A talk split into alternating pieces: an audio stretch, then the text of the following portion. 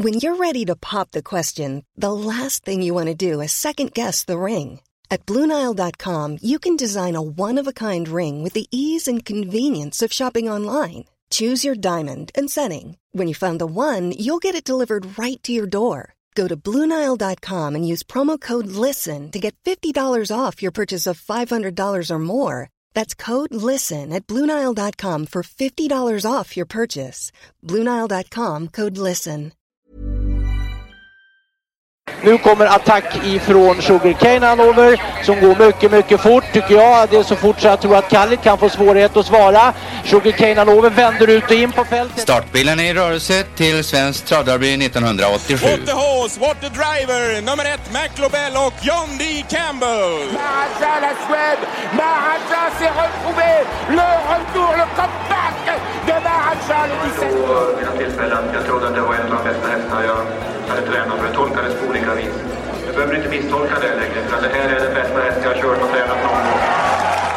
Då hälsar vi helt enkelt välkommen till ett nytt avsnitt eh, av Trott och Sports podcast. Vi ska säga det också att ni ska, kan om ni vill och eh, det skulle vi gärna emotse stötta den här podden och eh, då gör man som så att man går in på www.patreon.com och så söker man där på Henrik Ingvarsson så kommer det upp så kommer Trott och Sports podd upp och då går man till Became Patreon och eh, ta sig vidare därifrån. Så blir vi jätte, jätteglada om ni vill stötta oss med en liten, liten slant. Eh, vi är kvällen efter E3-uttagningarna på Örebrotravet igår. Var, var det något som lockade herrarna?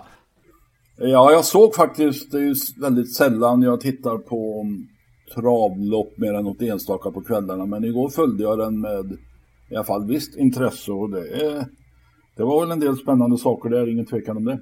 Var det något som stack ut, Magnus? Eh, ja, alltså jag, jag vet, jag, jag funderade faktiskt lite grann på det där när jag satt och tittade på de här loppen, att, att intresset för de där E3-kvalen har ju minskat successivt med åren och man kan väl... Ja, varför har det gjort det då? Ja, det kan man ju verkligen, men det, finns, det är väl bara fem hästar i ett treåringslopp på, på V86 den här onsdagen också, fast det är väl en hundring i första pris. Ja. Jag vet inte, det är väl det där att det är färre, färre hästar, och det tycker jag märks lite i de här kvalen som i och för sig alltid är ojämna, men det, det, är, liksom, det är väldigt varierande kvalitet. Hästar som, som nästintill inte verkar vara inkörda ibland och kastar sig rätt ut och håller på att fälla halva fältet och sådär. Men det har vi, det har vi sett i E3-kvalet ska jag säga, det har hänt på Romme och annat förr. Så att, men ändå lite, lite ojämn. Har man inte hunnit äh, lära känna treåringarna på samma sätt som man gjorde förr om åren äh, innan de här första uttagningsloppen körs? Det är, de är rätt så där profillösa känns det som, eller? Men jag tror många av stortränarna har ett enda mål i sikte och det är kriteriet för det är så groteskt höll jag på att säga. Men oerhört mycket pengar att köra om i synnerhet om man är eh, premie... vad det nu heter. Chansad. Premiechansen ja. Ja, ja och alltså fyra miljoner och sånt där i första pris. Så att, eh, och, och evig ära och berömmelse. E3 har hamnat lite i skuggan av kriteriet tror jag. Att man vill inte vara med i alla E3-försök och E3-finaler om man vill vinna kriteriet. eh, Så tycker jag det låter ibland. Det har svängt lite där också. För det, alltså när E3 kom, eller ett antal år in i det så kände man ofta att framåt kriteriet så var de bästa hästarna så slitna så att eh, ja. Ja, och det väl det, väl det tränarna har lärt sig av nu då. Ja. Jag såg jag inte helt fel, så Colgjini hade, de hade väl inte, Colginis hade väl inte en enda häst ute igår va? Och då är det anmärkningsvärt. Där är också då en, en sak att eh, finalen går på Bergsåker. Och ska du då åka från Malmö till Örebro och kvala och sen eh, knappt 14 dagar senare, 12 dagar eller sånt där va, åka till eh, Bergsåker för finalen. Det var väldigt få Jägersro-hästar överhuvudtaget. Var det någon? Ja, det var Per Nordströms. eh, Men annars var det väldigt få. Kristoffer Eriksson hade någon, eh, det var väldigt få ja. Men jag tror alltså att åka till Örebro och sen eventuellt till Sundsvall för finalen. Ja, det är en stark poäng såklart. Eh, jag är ju väldigt förtjust i det här stoet eh, Loaded Mariah. Hon är ju läcker. Eh, efter trickston. Härlig, härlig speed och, och härlig lufs i steget och obesegrad hittills. Jag, om, om den som inte har sett loppet från Örebro den 23 april har ju något att titta på. Jag, sällan man ser ett sånt där, en sån där svepning som hon gjorde den kvällen. Det var då jag fastnade. Henrik, Henrik Ja. den, är, den är inte bara efter Trixton. Mamma är Farmar Curry. Ja, just det. Så det, det finns att brås på. Den eh, var ju läcker igår. Eh, Svedberg lyckas tråcka sig ut från innerspår, körde till ledning och, och dirigerade allt. Eh, och har ju naturligtvis toppchans i finalen. Är det favoriten? Ja, den eller möjligtvis Barbro Kronos då, som också såg fin ut igår. E3-specialisten Båt och, Erik, och Erik Adielsson naturligtvis. Eh, sämre spår visserligen, men såg ju jätteläcker ut. Eh, sen är intressant Chablis Rib eh, från Sport 2 nu, får förmodligen ledningen. Leif Itas blir värd ett eget kapitel. 70 år nästa år, still going strong. Han ser ut som en juniorspelare i fotboll ungefär när man ser honom i kortbyxor. Han, är travsportens Lasse Lönndahl. Han är evigt ung. Ja, det kan Ja, man just det. Jag jämför honom med Xavier Zanetti, inte spelaren som såg likadan ut på varenda lagbild i 20 år. Ja, Förändras ingenting. ja, det är Vitasp. Sen var den där eh, Untersteiner hästen tycker jag mycket om. Eh, hon är väl eh, efter, ja den är syster till eh, Darling Meras, Honey Meras. Nu skiljer den nos så att det blev spår 11 istället för ett bra framspår alltså. ja. Där, fin, där Finland var överraskande, mycket överraskande, mycket bra. Jag var med i körningen också från, från början. ju, Så att, eh, ja. Sen Florist som nu fick det lopp hon ska ha, smyglopp i rygg på ledaren och då speedar hon ju väldigt vasst. Men ska man sammanfatta så är det nog den du eh, gillar mest där. Svedbergs häst och eh, Barbro Krono som får gälla som favoriter just nu. ja, Och jag kan säga att jag tror att Ljuse vinner. MT Perret. Ja, den glömde vi av. Den fick ett tungt lopp igår. Får nu ett smyglopp och är vass på speed. Ett roligt spellopp utan tvekan. Det var spännande hästar att se mot varandra. Hon skulle kunna ge The Bank hans första storloppsseger då. hingstarna då? Ja, där kan det ju mycket väl bli hemmaseger. Han har ingen, inte så lång resa i finalen, Global Badman. Nej, var det den som imponerade mest? Ja, det gjorde han utan tvekan. Den långsidan och kurvan och bara satt åkandes i mål med fullt av krafter kvar. Eh, imponerade gjorde ju också trots att det bara blev en tredjeplats Selected News. Ja, Eh, det blev ett väldigt, väldigt, väldigt konstigt lopp alltså. ja, det får man säga. Jag, Ja, det var en stygg, stygg resa. Torbjörn, Torbjörn var sådär riktigt arg efter loppet. Ja, Okej. Det kan man, det kan man förstå. Det syn, syntes även under loppet. Änt, han- äntligen fick man se Tobbe sådär riktigt tobbar igen och med all rätt alltså. det- Oskar J, ja, han sa i någon intervju efteråt att jag gick inte ut för tidigt och det är ju en, naturligtvis en sanning. Eh, han gick ut alldeles för sent och förstörde loppet för The Selected News. Dessutom med en häst som kanske inte ens borde startat så dålig såg den faktiskt ut. Eh, Oskar J's häst. Maestro Zon, eh, lite snackhäst där, fick ju en tuff öppning. Det är så typiskt alltså. Hade Björn Goop kört Maestro Zon hade det gått 12,5 första fem tror jag. Nu gick det 0,7 bara för att eh, Mik- Ja. Mikael Larsson i ledningen. Så är det de små de ska ätas upp och de ska krossas och då, Ja. då kör man bara. Eh, Hästen är ju orutinerad, är de flesta kanske, men eh, den springer och vinglar lite in, in och ut sådär, men det där blir ja, kapacitet att bli en riktigt bra häst och har ett bra spår i finalen.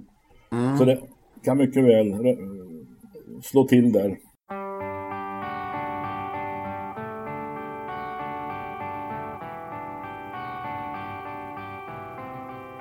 Lite reaktioner på förra veckans avsnitt. Det blev ju ganska omtalat och många lyssnare och eh, ja, lite olika synpunkter på både det ena och det andra. Men eh, har vi någonting nytt kring Propulsion eh, efter, eh, efter förra veckan? Uh, nej, det var, kanske var känt då att det skulle bli en extern utredare, men samtidigt så känns det som det här blir ett mischmasch. En intern utredning med en inhyrd extern konsult är det väl det senaste då. Eh, det känns som ett mischmasch, ingen tvekan om det. Eh, jag hade nog hoppats på att en intern utredning skulle komma fram till hur man ska göra med Propulsions prispengar med tränaren Daniel Redén och så vidare. Medan en extern utredning skulle titta på hur ST, Svensk Travsport, har skött den här affären från det att Propulsion kom till Sverige tills Elitloppet, eller tills avslöjandet.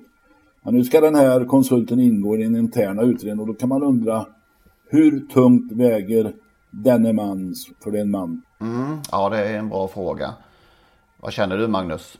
Nej, det är precis som, som Lennart säger och, och på något sätt, det känns lite grann som att det är först när den här utredningen presenteras som vi nog på fullt, helt och fullt förstår vad det är de har utrett för något. För att hur de, ja, hur man har börjat att presentera vad man skulle utreda, hur strukturen skulle se ut och organisationen av den här utredningen, det tycker jag är aningen förvirrat. Minst sagt när man, när man tittar och även hur media har uppfattat att SD har sagt att de tänker utreda detta så är det lite olika rapporter även där när man tittar. Så att det, det kanske behövs en utredare för att utreda vad man kommer att utreda också, jag vet ja.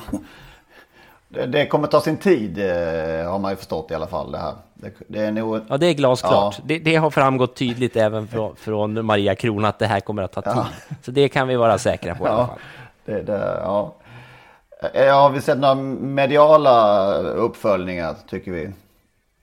Travronden har ju en alldeles unik ingång nu eh, för att följa upp sånt här. Ta det vidare i många frågor och i vinklar i sin nyrekrytering av Johan Lindberg kanske. Ja, som borde ingå i den här utredningen. ja. Han var ju under flera år högsta tjänstemannen i ST under den perioden som eh, dels eh, Propulsion importerades och dels avelsgodkändes i flera olika omgångar. Ja. Så om någon borde veta hur det har gått till så är det ju faktiskt eh, Johan Lindberg. Mm. Vi väntar med spänning på avslöjandena i, i travbanan framöver helt enkelt. Jag tror du lär få vänta. ja, skulle göra oss svårt förvånad som GV brukar uttrycka det. Om det blev så. Ja, vi får se vart det bär helt enkelt. Vi tänkte att vi skulle prata lite eh, fyraåringar. Eh, det är ju inte så hemskt långt kvar till eh, deras största löpning. Första söndagen i september som vanligt. Svensk Trav Derby. Eh, ja, och vad, ja. Tog, vad tog de vägen kriteriehästarna? Vad tog de vägen ja, ja precis. Vi har tittat tillbaka på den 29 september i fjol då Svenskt Travkriterium avgjordes på Solvalla som vanligt. Svängen, tre power. Power för ett upset face, tredje nio by the book. Galopp hade vi för Djokovic. Power anför här vid upploppets början. Tre power, tre power för eh, upset face by the book. Här med en dryg hundring till mål. Tre power upset face, Brother Bill längre ut i banan. Tre power upset face, Brother Bill med bra fart. Men invändigt power! Power ja, eh, den stora ska man säga gåtan, det är väl fel kanske, men, men att det har varit lite hit och dit och, och, och så där tycker jag med, med Power hittills ändå. Men det, det, jag tycker, jag vet inte om ni håller med där, jag, eh, jag tycker det ser ut på Berg som han har kört så har det känts som att han, han tycker att Power är bra nu. Ja, han har kört eh, i princip i varje lopp som hästen är bäst. Mm. Har, med, ja, vad har han gjort nu sen, sen kriteriet då? Han var ju ute i, han mötte Ecuride där, eh, vilket ju var, vilket är en omöjlig uppgift för alla, även för Power, men han gick ju, gick ju rejält på sista bortre i, i det loppet och så där och sen, sen så, eh, jag vet inte, jag tycker nog ändå att intrycket har varit, eh, varit bra på Power. Eh, men det, kanske inte att han liksom har tagit ett steg framåt kanske, det, det är väl känslan. Det känns lite som han har saknat ändå i kungapokalen bland annat den rätta glöden. Tvåa i kriteriet var väl Brother Bill va? Ja, mycket vass spurt där och avslutade sen året med att vinna British Crown-finalen på ett fint sätt. Sen har vi inte sett till honom faktiskt. Typiskt Nurmos. Uh, ja, och jag tänkte matchning. just det att det där är väl en typisk Nurmos-matchning. Ridley Express Gjorde årsdebut eh, som fyraåring i Ina Scotts minne den 4 juni och nu har det gått några veckor till i och för sig. Men vi kan nog räkna med, om det inte är skador som har stoppat Brother Bill, att han eh, snart gör årsdebut och att där är siktet naturligtvis enbart och enbart och enbart inställt på Darbyt. Kriterietrean, vem var det? Exodus Brick och eh, en sån där som alltid gör sitt men som, som, som väl inte känns som en blivande derbyvinnare direkt bara. Är, jag skulle inte ha någon emot att äga den, men, men jag, jag, skulle inte få sätta på mig någon gul kavaj, det tror jag inte. Nej. Vilken har vi sen? Upset Face. Upset Face. Han har ju varit, han har gjort, vad är det, tre starter i år. Var ju med den där galna öppningen med power i kriteriet. Uh, vann årsdebuten, sedan joggande i ett blufflopp hemma på Jägers. Femma i kungapokalen efter ganska tungt lopp. Ändå en liten besvikelse, ungefär som power kanske. 2020. Uh, uh, förväntar mig mer, och gör de nog nere i Vomb också. Uh, vad, är, vad är ert intryck av honom?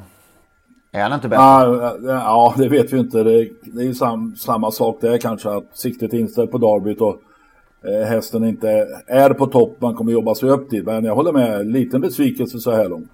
Yes, nästa. Det är By the Book. Svante Båts By the Book som, som eh, fick väldigt snäll årsdebut av, av Erik.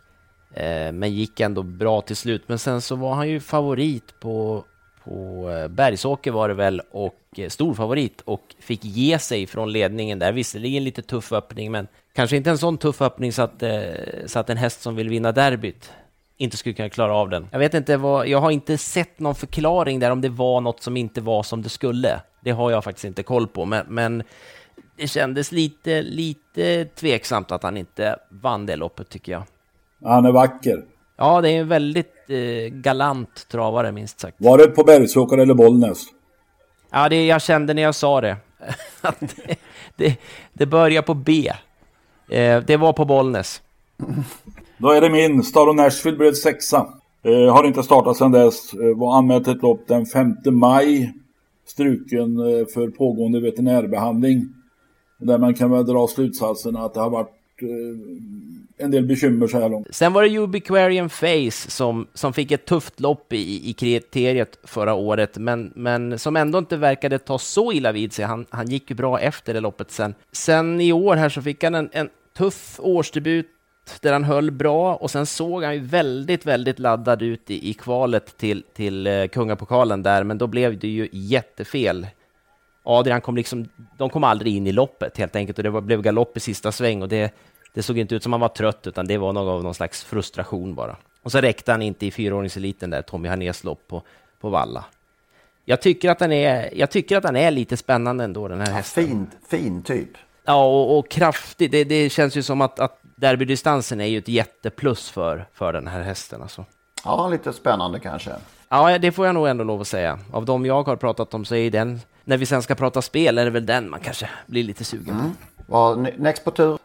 Djokovic, åtta i kriteriet. Yes. Gjort tre starter i år, debuterade, årsdebuterade galopp, sen etta, tvåa. Har väl gjort eh, två hyggliga lopp där, men det är långt, långt, långt till att han skulle vara med och slåss om Derbysegern. Samma sak med Öysen Tull, nia i fjol i kriteriet alltså. Tre starter i år, vann på Jägersro 5 maj. Och då, då, var han riktigt bra tycker jag, men eh, ändå en bit kvar till toppen.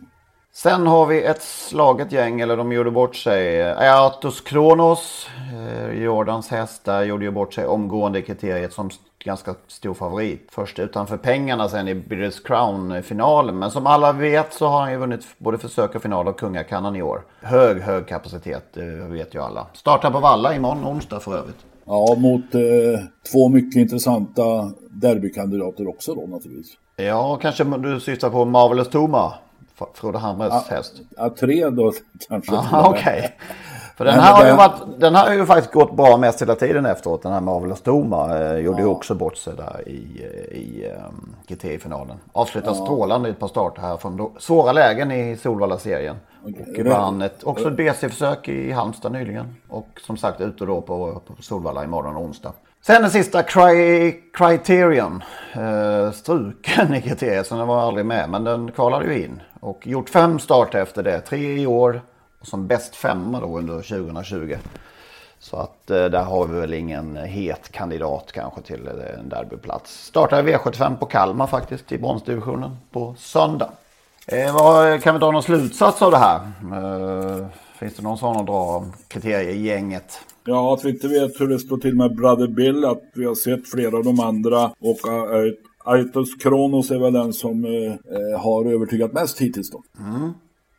Eh, det har ju mer och mer blivit så. Nu vet jag kanske det också är på väg att svänga tillbaka. Men att det har varit ganska olika startfält i, i eh, kriteriet respektive derbyt. Eh, tidigare år tycker man, eller för länge sedan, att det var ungefär samma, samma kulttopp som hängde med. Liksom. Men, men det, det brukar alltid dyka upp nya, nya hästar. Har vi tittat lite på spel oddslistan? Går det att hitta något spännande? Vem är favorit? Är det det är, i alla fall på den lista jag tar del av just nu, Hail Mary. Eh, fem gånger pengarna. Green Manalishi och Aetos Kronos och Don Fanucci Set är också hårt eh, betrodda eller, spel, eller lågt oddssatta. Vem känns mest spännande då? Utav dem där? Ja, man blir inte sugen på någon Det är det ens. Ah, ja, Don Fanucci Set i sådana fall. Ja. Det får jag säga, även om jag tycker att alla, ska jag säga att alla pratar om, men att Green Manalishi har ju verkligen lyfts upp jätte, jättemycket. Det är många som hoppas att han ska vara så där bra som de säger att han är. Mm. Och Hail Mary har vi ju sett, så att det, det är ju, de där fyra är ju alla, alla fyra väldigt spännande hästar. Alltså... Men jag säger Redéns, Don Fanucci sett, jag tycker den, den har vi ju inte sett färdigt av än. Jag, jag letar ju långt ner då för att hitta höga odds. När man ska spela så här lång tid i förväg så har jag svårt att spela någon som står i fem, sex gånger. Mm, ja, det håller jag med om. Eh, så att jag eh, letade vidare och hittade då en som står i hundra gånger. Det är bättre. Kinky Boots, eh, som jag tycker har sett väldigt fin ut, som hela tiden går framåt. Sen är det möjligt att inte den har samma klass som de här, men eh, hundra gånger, en femtlapp på den är ju hyggligt då. Där har du också Ubiquarian Face till samma, samma odds, eh, Magnus, 100 gånger. Ja, men precis. Det är väl, jag håller med Lennart. Det är inte så att man vill kliva in på Toto nu på en, på en 6-oddsare. Den ekonomin har inte jag i alla fall. ja, det är möjligt då, uh, upset face om, om uh, de hittar alla bitar uh, på rätt sätt och kan klämma in dem på i rätt ytor. 20 gånger på uh, hemmahästen helt enkelt där, Colgjini. De har ju väldigt höga tankar om den. Kanske kan vara någonting. Ja, det är väl också, det här derbyt är det väl, eh, och har väl länge varit höga förväntningar på. Att den här kullen har ju hittills lovordats väldigt mycket. Mm. Och det finns väl ingen anledning att inte göra det. Och som du sa nu, det är, av de här vi räknade upp högst upp, det tre av dem med lägst odds högst upp där var ju inte med i kriteriet. Nej. Så nog finns det en chans att det blir ganska stor omkastning kan man ana i de här två fälten.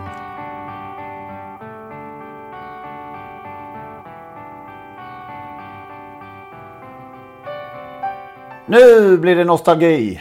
Uh, vi ska ta oss tillbaka till en varm Kalmar midsommarhelg eh, 1989. Jag var ju där den där tävlingsdagen så som alla år vid den här tiden. Det är tradition att dels bli sönderbränd i solen där på platserna. Helvete vad man har bränt sig där. Uh, och dels bli kvar på parkeringen i evighet efter tävlingarna. Det var, jag tror att det finns ingen idrottsplatsparkering som var knixigare att ta sig ut ifrån än just Kalmartravet. Det blir, enk, det blir enklare på söndag. Ja, det blir det. Min far var alltid lika irriterad och otålig. Det var samma procedur varje år. Sura miner i bilen på vägen hem. Ehm, men den här varma söndagen då vann en viss Grades Singing eh, Kalmarsundspokalen. Så vi lyssnar lite på det. Dags för start V65 3. Kalmarsundspokalen, gulddivisionens försök nummer 4. Och här ser vi favoriten nummer 1, Grade Singing och Olle Goop. Hon såg ut som en nummer 2, Grade Singing, ursäkta. Nummer 2, Grade Singing, alltså favoriten med Olle Goop. Som rörde sig underbart i värmningen och i provstarterna och ser mycket, mycket spänstig och fin ut. Tänk om vi skulle få se ett världsrekord. Det kanske blåser lite, lite för mycket. Rebur galopperar. Det gör också Mowgli Profit. Det var lite synd för det var hästar som kan öppna snabbt. Titta hur snabb hon är ut. Nummer två Great Singing. Det är bara några kliv så var hon i ledningen. med en längs ledning. Låg, fin, flack och härlig gång har hon. Bakom följer sen nummer ett, Prins Olympic. Nummer två, Great Singing då, upp emot de första 500 meterna. Åh, vad löpglad hon ser ut. Öronen rakt fram och bara 1.12 gick de första 500 på. Ett jämnt sånt tempo och det kan bli alltså ett världsrekord. Lite, lite bakåtlutad till och med. Prins Olympic följer med. 1.14 gick första eh, varvet på. Nu eh, ökas tempo tycker jag lite grann. Eh, kan vara så att Olle Goop nu kör för ett världsrekord för visst kör han undan. Hela fältet har svårt att följa med. Det är bara Prins Olympic. Många längder på en gång. Prins Olympic upp på utsidan. Tänk vad Grace Singing skulle få stryk. Vilken sensation. Nummer ett Prins Olympic upp på utsidan. Grace Singing svarar på insidan. Olle Goop sitter still, tittar ut och tittar ut en gång till. Ah, Han behöver inte ens mana på. Hon svarar själv och glider på mycket, mycket fint. Och det går fortfarande fort i loppet. Great Singing nummer två har greppet. Nummer ett Prins Olympic kommer att bli tvåa. En härligt lopp. Där passerar de mållinjen. Jag tror inte att det blir ett världsrekord, men det är i alla fall en, en tid runt 1.12 och en halv. En sak som slår mig när jag lyssnar på det här referatet från den här tiden, vilken besatthet det var av eh, världsrekordspekulationer. Ja. Det är inte alls på samma sätt nu. Kanske att det var utannonserat som ett världsrekordförsök, jag vet inte. Men det slår mig också att det var ganska många, eller just i de där tiderna, många världsstjärnor som åkte till Kalmar. Det fanns till och med en som hade Kalmar som hemmabana, Mac Lobel då. Pisgård var det, Pisgård var det, Kallit, Gide Palema, Kosar och så då den här läckra damen Great Singing. Ja, du minns henne väl Lennart. Du har till och med bevakat henne både här och där. Både här och där ja. Och hon köptes ju till Sverige då 1987 för rekordsumman en miljon dollar. Eh, och det var väl 6,3 miljoner kronor av Rune Andersson som nu är mer betraktad som Mellby Gård. Christer Brandberg som en gång i tiden var, ja, en gång i tiden, inte så länge sedan, ordförande på Solvalla. Och eh, Hans-Gunnar Hed, en känd göteborgare som startade FM Reklam som nu är inblandad i, i travsporten. Och det höjdes ju naturligtvis på ögonbrynet.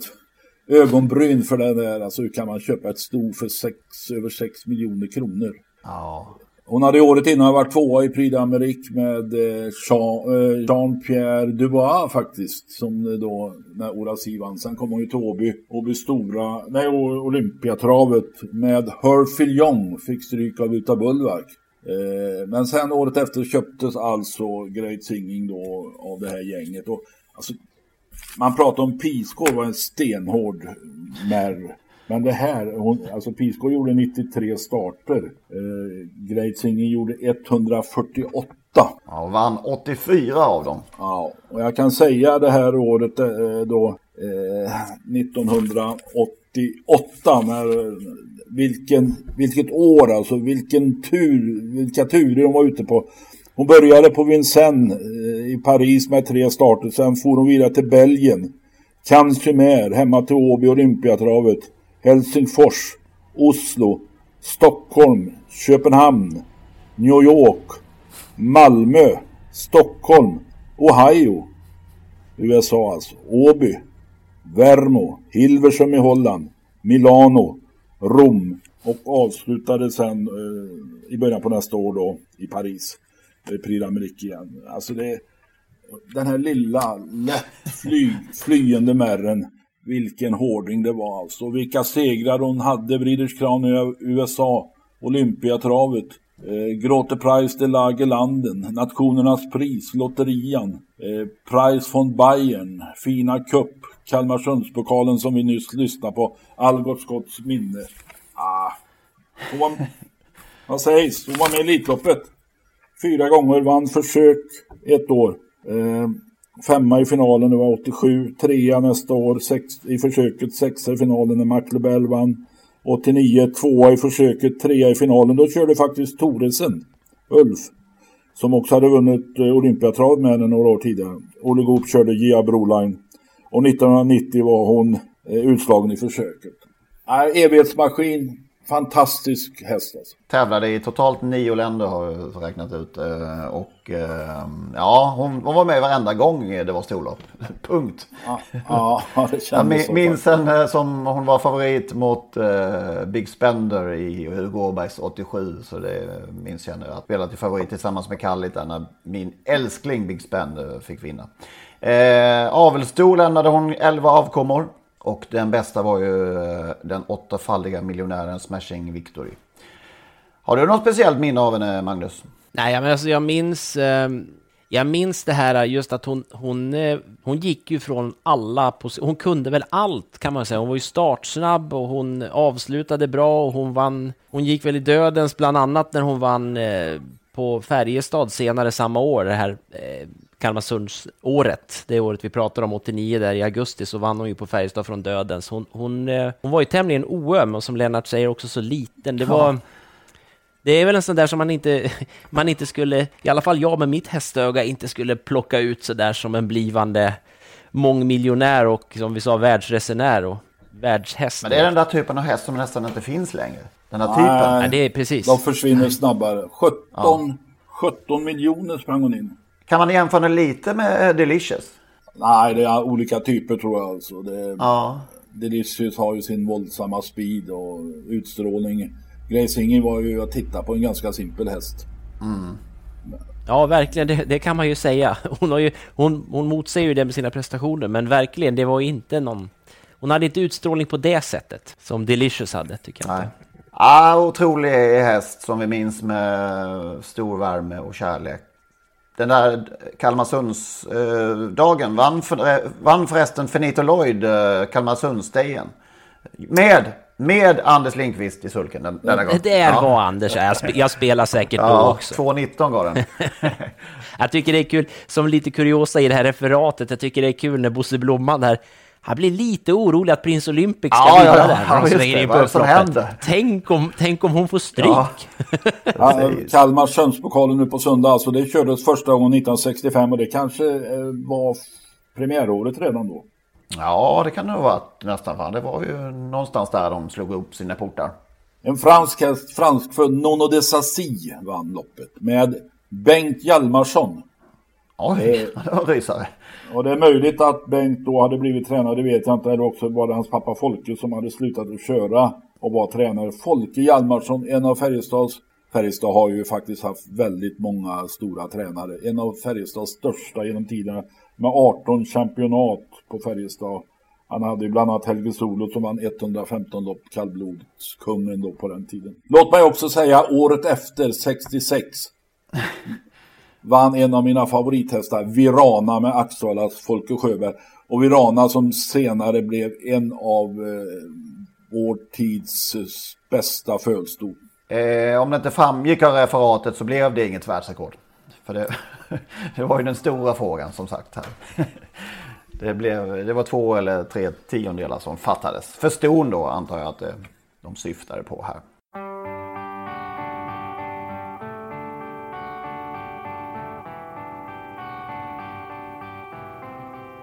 Stig gjorde comeback i eh, helgen. Det var otippat. Fick ge sig i det här breddloppet. Ja, alltså, ja, ja det, otippat var det att, att han skulle göra comeback och det, man blir förvånad. Man blir ännu mer förvånad att då en av världens bästa genom tiderna kan vara med i ett bredd. Alltså jag trodde ju avsikten med breddlopp var någon helt annan än att eh, en av världens bästa genom tiderna som sagt ska vara med och köra. Det, Jo, nej, men jag tyckte det var lite kul att se just loppet och hur han körde Stig och det kändes som att han hade eh, tittat mycket på trav de senaste åren eftersom han ju inte kör så mycket och så har han ju lärt sig att Örjan Kihlström är ju duktig och han brukar köra invändigt och sådär. Men sen blev det ändå Stigo i alla fall för han skulle ut i döden så han skulle liksom måtta in det. Så att det var ju trist att han skulle bli avslagen till slutet, men han, han ville verkligen vinna loppet. Det var ingen tvekan om det alltså.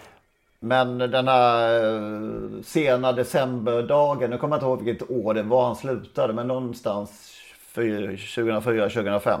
ja, jag tror det var 2005. Om man, utan ja, om man inte ens kan lita på när Stigo säger att han aldrig mer kommer köra lopp, vem ska man då lita på i världen? det, här, det här trodde man aldrig skulle inträffa i alla fall, det så kan man säga. Nej, jag tycker han gör rätt som kör ändå. Sen kan man ju diskutera om det är breddlopp han ska köra, men ja, man lever en gång. Han ville köra travlopp. Och det var ju otroligt uppskattat får man ju säga. Tittar man på Twitter, alltså sociala medier, folk älskade ju att Stig och körde lopp. Och det behöver ju travsporten verkligen. Det är själva fan att han ska köra lopp eh, just när publiken inte får komma. För hade det varit en publikdag med Stig och en onsdagkväll hade det kommit eh, säkert ett par tusen extra. Ja, kanske faktiskt. Ja. Kanske. 75, 75 år, 75 år i år. Född 45. På jag var med. publik då, vad, kommer de att återvända när det här är över? Kan man ställa sig frågan. Den lilla publik som fanns. Får jag, får jag ställa en fråga emellan? Nu på SDs alla resultatlistor så står det publik noll. Innan pandemin så säger vi att det stod publik, publik 250 eller 500. Då ingick ju de aktiva i publiken. Ja, just det, det har du rätt i. Nu ingår de aktiva inte i publiken längre. Nu är de, arbets, eh, nu är ja. de arbetstagare plötsligt. Och när, vi, går, ja, när vi går tillbaka till normala förhållanden, återkommer då de aktiva som publik? Ja, det är en bra fråga faktiskt. Ja, det blir ju konstigt om det, det här blir, ja det är bra poäng Lennart. Det hade ju, travsporten naturligtvis livrädd. Skulle det stå publik 150 så då kommer väl eh, Anders Tegnell. Ja, så är det naturligtvis. Men man måste ju bestämma sig, är de aktiva arbe ja, arbe arbetarna eller publik? Ja, det, det, får de ta utreda tycker jag. Ja, en extern utredning kräver vi i detta fall. ja, den kan du ta Men Lennart. Den är nu, Alltså din fråga var, kommer publiken tillbaka? Ja. Eh... Ja, alltså i början lär den göra det. Jag tror alltså att när dammen öppnas, när dammluckorna slås upp, då kommer folk att rusa till travbanan. Tror du det verkligen? Alltså abstinensen är så svår så att de Sen är det möjligt att, att det blir bara under en kort period. Men jag ser ju här nu hur, hur alltså min bror skulle ha någon tillställning eh, hemma Storchampionatshelgen med storbilds-tv och sådär. Eh, och han måste ju begränsa det till ett antal i dessa tider. Eh, och det, det, är hur många människor som helst som vill komma just dit bara för att sitta tillsammans och se en stor storchampionatshelg. Mm. Eller stor, ja, det är värmande. Jag måste berätta, han har en eh, förutsättning för att alla de här som nu vill komma tillhör samma gäng som varje storkamratsöndag cyklar till, från Skara till Axvall.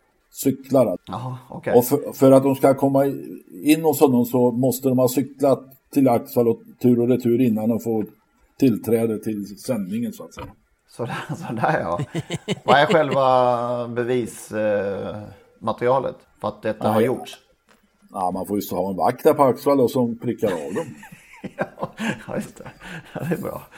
Ja, vad är det hur lång tid tar det att cykla mellan? Det beror på hur fort man trampar. Mm, men en normal, normal cykeltur? Nio kilometer, sen får man väl vad det tar. Magnus är bra på det där med att cykla. Ja, men jag, cyklar, jag trampar ju väldigt ja. fort. Eh, ja, nej, men jag skulle tippa på att nej, någon får provcykla och återkomma. Mm. Och det är inte jag.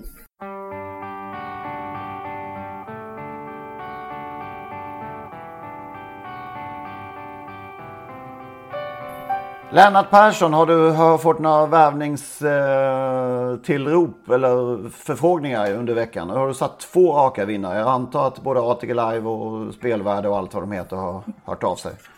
Nej, inte, nej ingen har hört av sig faktiskt. Eh, nej. Eh, Antoni Tabak, alltså vi måste ta något om Antoni Tabak som vi började sin karriär i alla fall under lång tid var hos Stig och Johansson utan att eh, utmärka sig så hamnade den hos Oskar Kylin Blom där den fick sitt verkliga genombrott. Och Oskar Kylin Blom lisar väl den där hästen. Eh, nu är han alltså efter lång, långtidsskada, var väl gaffelband, hamnade hos Jörgen Westholm. Och där helt plötsligt har hittat eh, ett nytt liv eh, och de två senaste starterna har ju visat att han vann på 11 en faktiskt i Boden i lördag. Så han var aldrig hotad, eller hur Magnus? Nej, det, det var väl inte ens nära. Det var många som satt fast om man ska sitta och peta lite grann. Det blev, men, eh, men alltså det är ju otroligt att han är tillbaka efter skada. Alltså. Jag pratade lite med Jörgen idag. Han, han var väl inne på om man får åka till Finland med hästen. Eh, Kymi Grand Prix och sånt där va. Men han visste inte om han fick åka dit. Årgäng Stora fanns i bilden. Han borde också kunna bli aktuell för Hugo Åbergs. Den här, Antonio Tabak. Alltså Tabak är ett ganska känt kennelnamn om man får uttrycka sig så. Men det är väldigt få som har stor uppfödning av både varmblod och kallblod. Men det har ju den här Gert-Ove Karlsson i Östervåla. Och det här tror ni inte på, för han har fött upp nästan 600 hästar. Ja, det är en ruggig siffra alltså. Både kallblod och varmblod och eh, eh vad heter det bästa kallblodet? Egil Tabak där kanske, två, två miljoner eller sånt där. Han är 75 år och håller på fortfarande och får vara med om detta nu på ålderns höst får vi väl säga. Eh, ganska enkla härstamningar men den här hästen skojar alltså med, eh, ja, skojar, jo det gjorde han faktiskt, med ett par Elitloppshästar. Du har gjort en spaning också vad gäller Elitloppshästar. Ja just det, det tittar Fyra stycken har startat, ingen har vunnit. Och eh, det var ju Make the Mark tvåa där uppe i Boden, Million Dollar Ryan fyra. Eh, Ellen Wib, eh, Webb, Webb heter hon. Fick vi se mördas av Eh, Vitruvio i Oslo Grand Prix som blev ett märkligt lopp. Och där blev Looking Superb femma. Och, alltså jag kan inte minnas när Looking Superb gjorde ett bra lopp senast. Det är långt över ett år sedan. Han spurtade väl hyggligt där i Olympiatravet till 4-5 och på det fick han en Elitloppsplats. Eh, vilket jag då tyckte var märkligt och vilket jag tycker nu är ännu mer märkligt. Men eh, man kan inte säga att de är, som var med i Elitloppet har övertygat efter Elitloppet. Det ser ut att bli ett fint Hugo Åbergs Memorial i slutet på juli. Flera fina hemmahästar som är klara och eh, Ecoidé verkar vara klara. Ja, och då frågar man vad som händer härnäst. Vitruvio borde blev bli inbjuden efter insatsen i Oslo, även om han inte vann. Det var ju helt enastående. Eh, men frågan är var är han i träning då? Har Björn Goop kvar hästen i träning eller går han tillbaka till Gocciadore? Och om Björn Goop har den i träning vill han då starta när Ecuride ska vara med som han ändå får betrakta som första kusk. Så det är nog många trådar att dra i där. Men det, det där trådar och Björn Goop det är en eh, härlig kombination. Det, det, han, han, brukar dra rätt. Ja, vi får se det. Så, vem vinner på söndag? Eftersom de där bästa Discovolant och Taekwondo fick bakspår så kanske Taikon Conway Hall, tioåringen, som numera tränas av Flemming Jensen. Var ju Jul, Sten Juls stjärna, blev skadad och nu Flemming Jensen och har sett jätteläcker ut i två raka segrar. Eh, frågan är om han kan hålla ledningen från sitt innerspår. I så fall tror jag han blir väldigt svårslagen. Och den tredje raka i så fall från... Eh...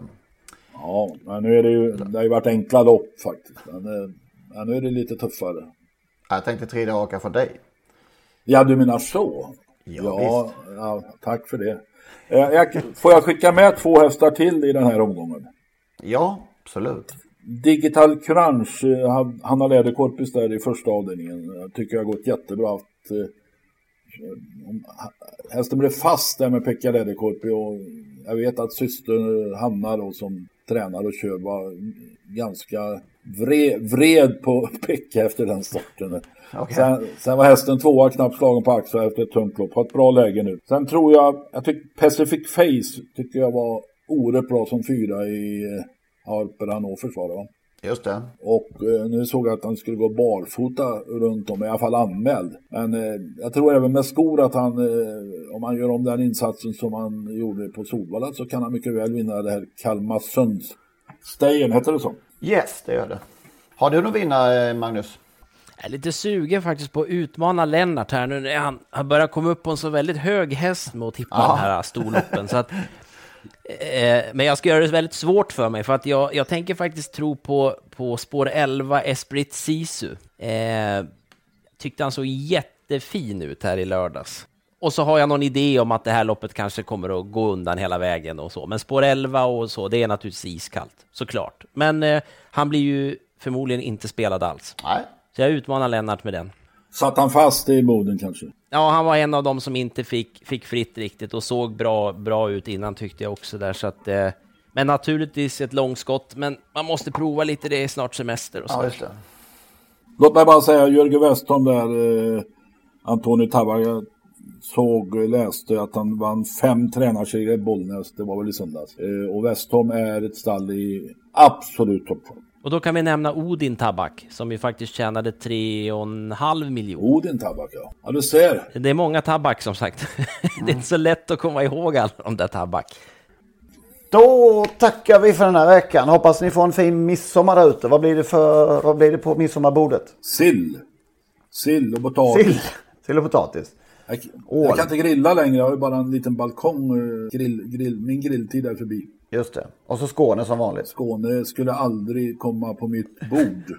Nej, jag vet. Det är det värsta jag vet. Vad, vad dricker du för snaps, eh, Magnus? Nej, OP. OP, OP. Andersson. OP. Och du kör, Lennart? Ja, Beska droppar tror jag det blir. Beska droppar. Här blir det Ålborg eller Ja, Ålborg kan jag tänka mig. Ja. Trevlig midsommar där ute. Så hörs vi. Hej. Hej. Hej då.